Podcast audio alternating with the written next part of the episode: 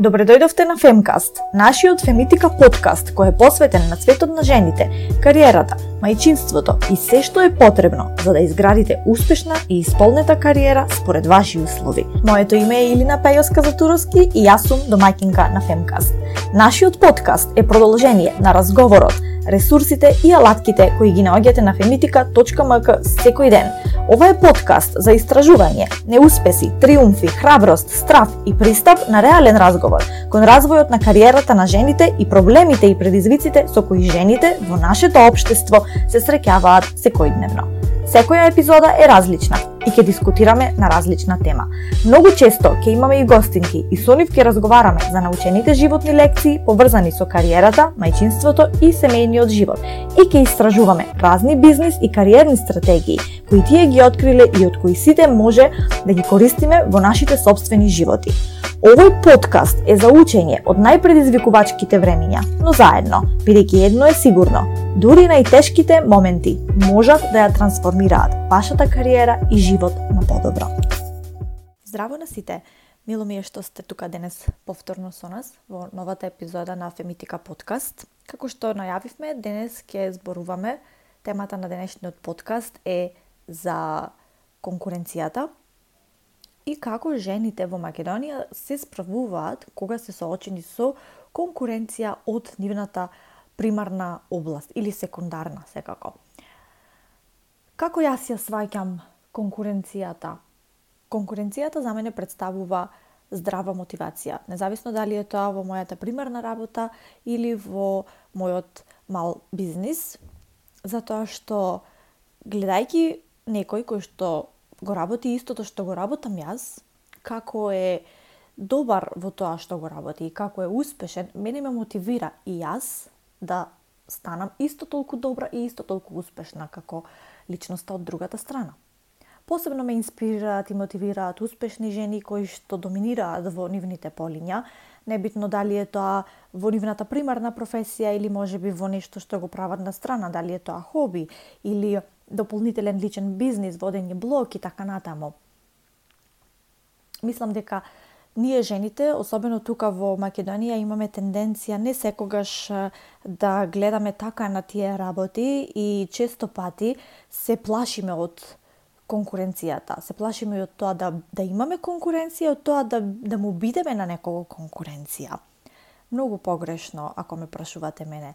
Во последните години жените почна поинтензивно да покажуваат поддршка една кон друга, но меѓутоа јас сум забележала дека не секогаш таа поддршка е вистинска и искрена, затоа што се докажало дека ако му давате на некого поддршка фиктивно, тоа не секогаш го правите вистински. Во смисла, вие може да проповедате дека сте голем поддржувач на женските права или на тоа дека треба да имаме повеќе жени во предприемништвото и така натаму и дека ги поддржувате сите жени кои што сакаат да започнат нешто свое, но во пракса тоа не го применувате.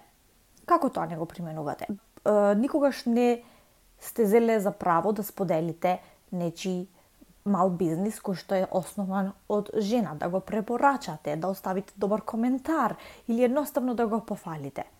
Значи, вашата заложеност за унапредување на женските бизниси во Македонија е лажна. И вашата поддршка, која што наводно ја давате на сите жени кои што се успешни и амбициозни, е всушност лажна затоа што вие тоа не го применувате во пракса, туку едноставно само го проповедате. Не ми текнува на друг збор со кој што би можела тоа да го опишам, освен проповедање. Е, може би е малку сурово, но меѓутоа тоа е вистината. Како да ги смениме овие работи во нашата земја? Во последно време, како што зборува во наша статија на femitika.mg, се појавија многу многу мали бизнеси кои што се предводени од жени и кои што имаат една цел да го доб, да ги доближат производите кои што ги изработуваат или продаваат поблиску до купувачите на еден на еден уникатен женски начин би рекла. И низ социјалните медиуми се протнуваат тие нивни заложби, може тоа да го видиме, најдуваат на поддршка од одредени други жени, но често пати не е доволна таа поддршка. Зошто? Затоа што ние како жени не сме целосно посветени на тоа да си дадеме поддршка на една, една на друга. Често пати забораваме дека секоја успешна жена треба да служи како инспирација за амбициите на друга жена и дека најсилни сме единствено кога се поддржуваме една со друга. Како да се поддржиме една со друга? Едноставно е.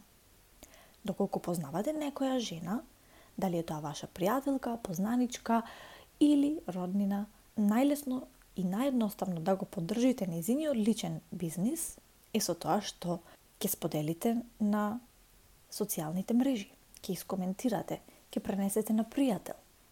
Тоа вас ништо не ве чини. Меѓутоа, вредноста која што со вашата постапка ја додавате на бизнисот на таа жена, значи многу за неа.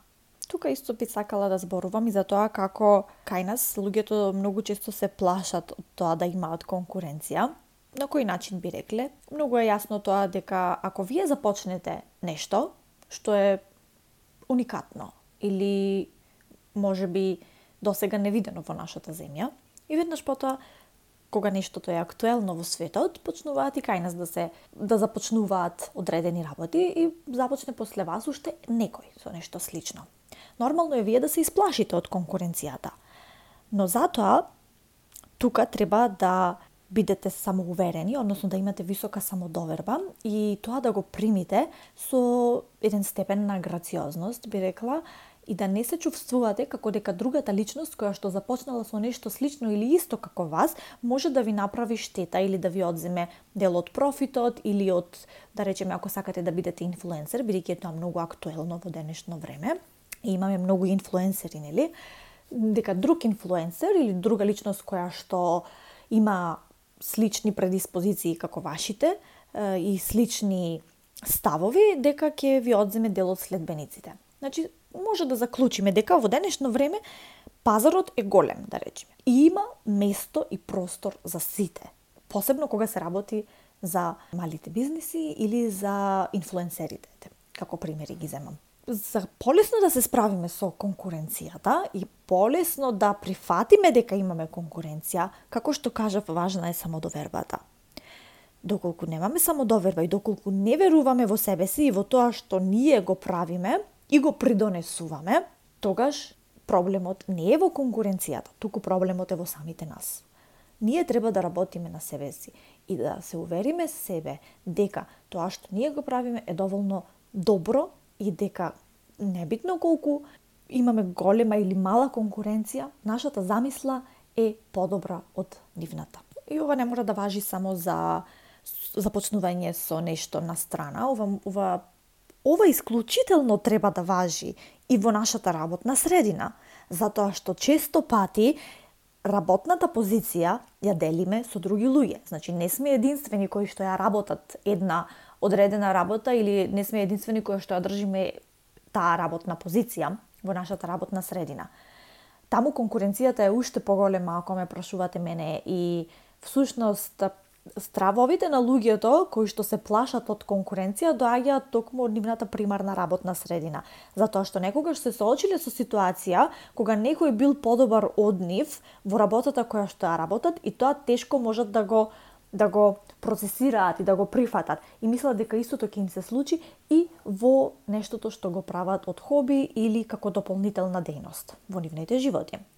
За мене конкуренцијата представува мотив, како што спомнав, да бидам најдобрата верзија од себе.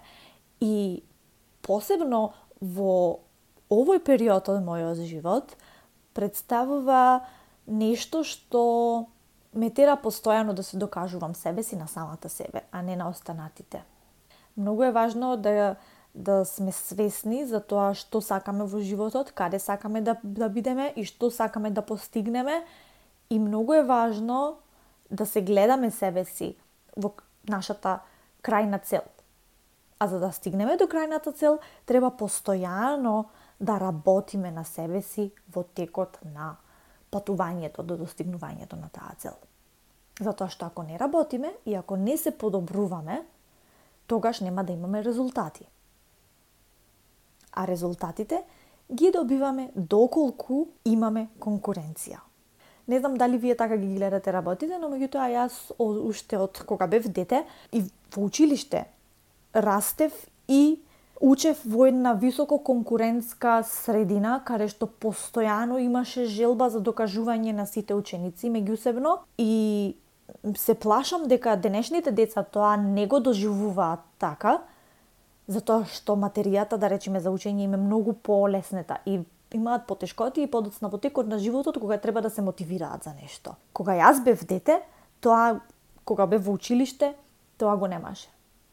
Имав, ја имав таа среќа и во основно и во средно образование, па дури и на факултет, постојано да бидам обкружена со конкурентно настроени со ученици и колеги кои што постојано ме мотивираа и јас да бидам како нив. И јас да сакам да го постигнам истото. И јас да сакам да имам толку добри оценки како што имаат тие.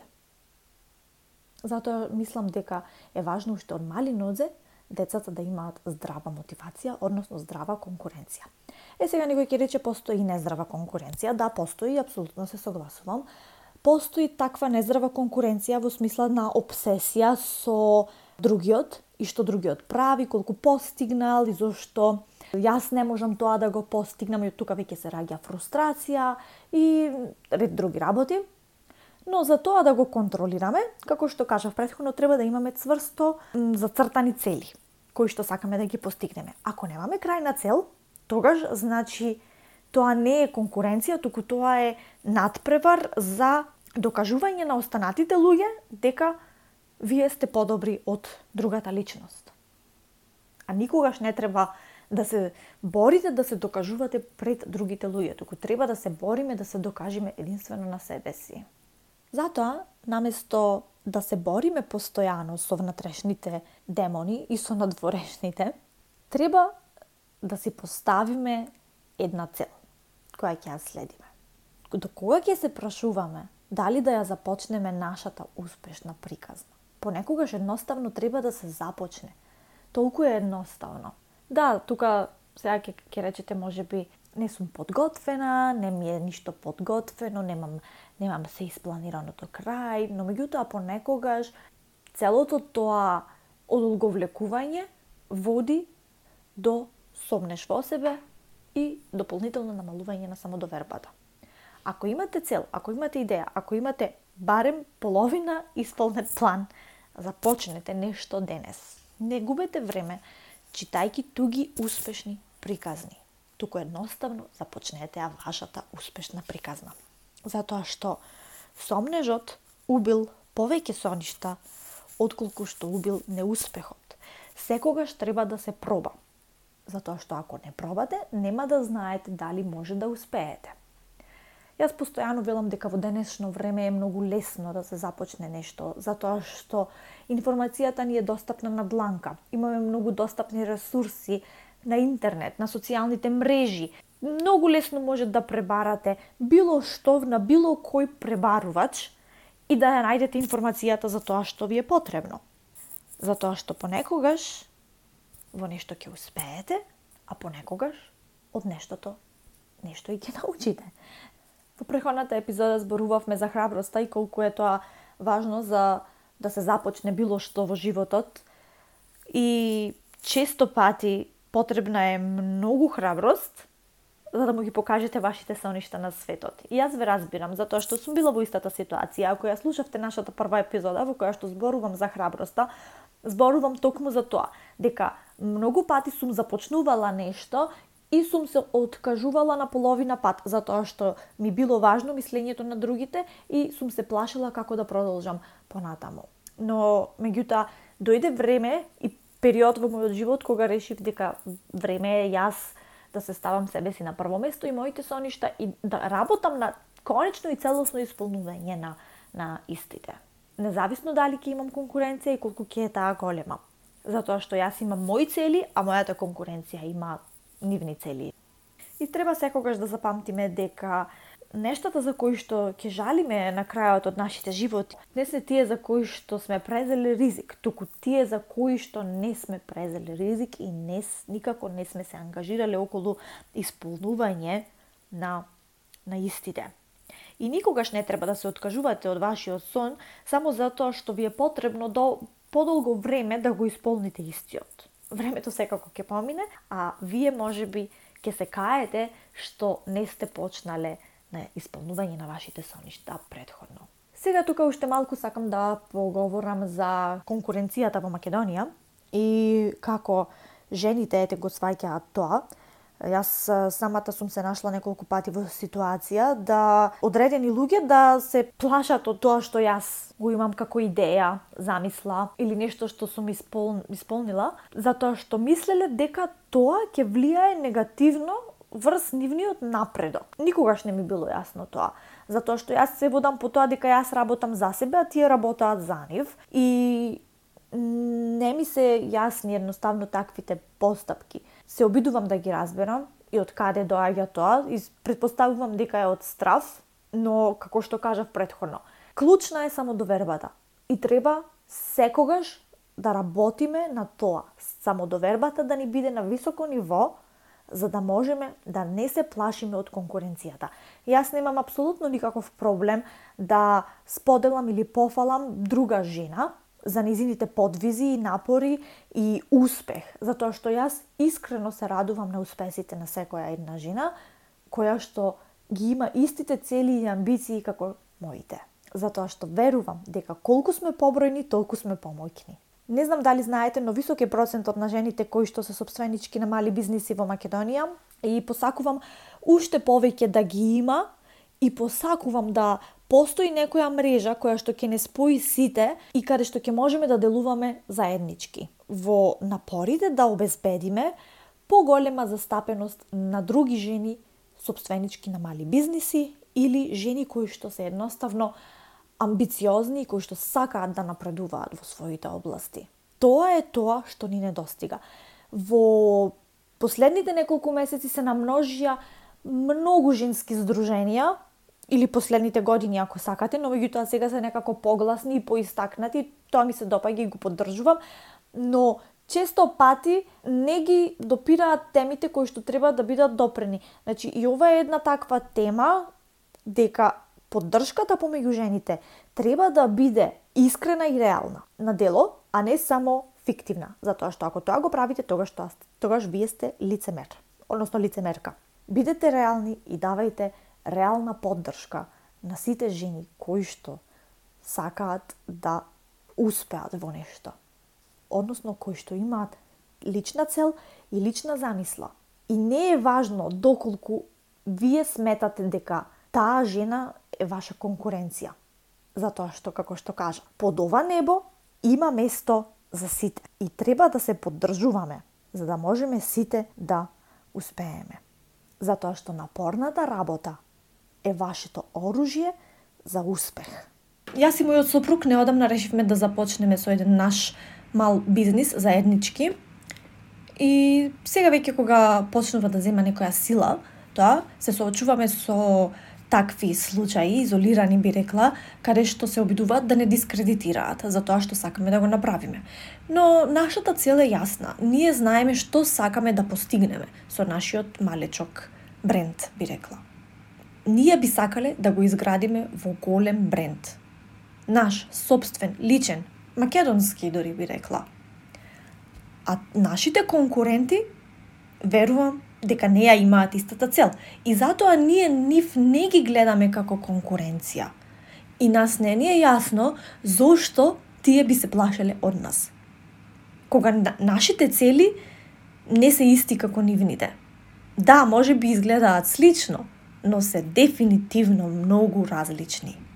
И нема тука некоја заедничка спојка, како да се изразам поинако. Uh, Ме разбирате. Затоа би сакала да ви кажам дека доколку имате некоја идеја, немој да се плашите од тоа дека вашата идеја ќе се изгуби во мноштвото други идеи кои што ги имаат другите луѓе или може би се плашите да започнете нешто затоа што веќе тоа нешто е присутно и затоа што можеби некој има веќе зголемен број на следбеници и популарност помеѓу луѓето. Луѓето секогаш сакаат кога ќе им се презентира нешто ново. Затоа Ако вие сакате да започнете нешто, тогаш потрудете се тоа нешто да биде уникатно на собствен начин. И не дозволувајте да се исплашите од конкуренцијата. Гледајте на конкуренцијата како на една здрава мотивација, нешто што ќе ви помогне да се издигнете себе си и вашата замисла и вашиот бизнис на следното ниво. Ако некој ми кажеше дека ќе почнам да се занимавам со предприемништво пред некое време, немаше да му поверувам, а уште помалку ќе му поверував ако ја имав храброста да се наречам себе си предприемач.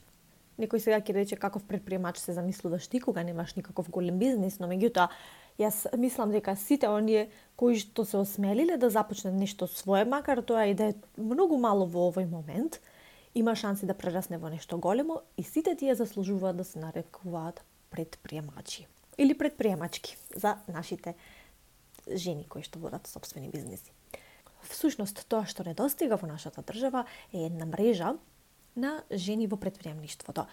Поправете ме, може би грешам, може би има, но тоа би, мислам дека постои од чисто административни потреби, а не како за една поддршка, вистинска, реална, силна поддршка, каде што сите жени кои што имаат собствени бизниси нема да се чувствуваат поразени од конкуренцијата.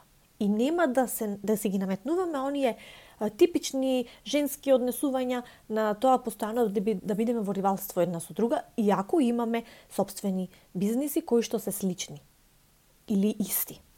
Тоа е тоа што недостига. Често пати кажуваме дека, односно проповедаме дека сме солидарни со сите жени заради некои работи или им даваме поддршка за било што, но во позадина тоа не го правиме. Тоа мора да се смени и јас мислам дека со некои работи и постапки од некои луѓе со кои што сум разговарала и со кои што сум споделувала мислење, на добар пат сме тоа да го смениме. Но за тоа да се случи, потребно е да делуваме заедно и да се поддржуваме една со друга. Затоа што успехот на една жена треба да представува инспирација за амбициите на секоја друга жена. Ова епизода би сакала да ја завршам со уште една, една важна реченица, дека се што посакувате е на другата страна од стравот. Затоа ослободете се од стравот, продолжите напред на, кон исполнување на вашите цели. Не е важно колку е голема конкуренцијата која ја имате. Вие работите за вас, тие работат за нив. Дојдовме до крајот, тоа е се за оваа епизода, драги слушателки и слушатели. Ви благодарам што не слушавте до крај и се надевам дека ќе не слушате повторно во нашата идна епизода. Доколку ви се допаѓа овој подкаст, ве молам кликнете на копчето subscribe за да ни дадете дополнителна поддршка или споделете го со вашите пријатели. Овој подкаст е достапен и на femitika.mk во категоријата подкаст. Јас сум вашата домаќинка Илина Пејоска за Туровски, ви посакувам убав ден и се слушаме во следната епизода на Femcast.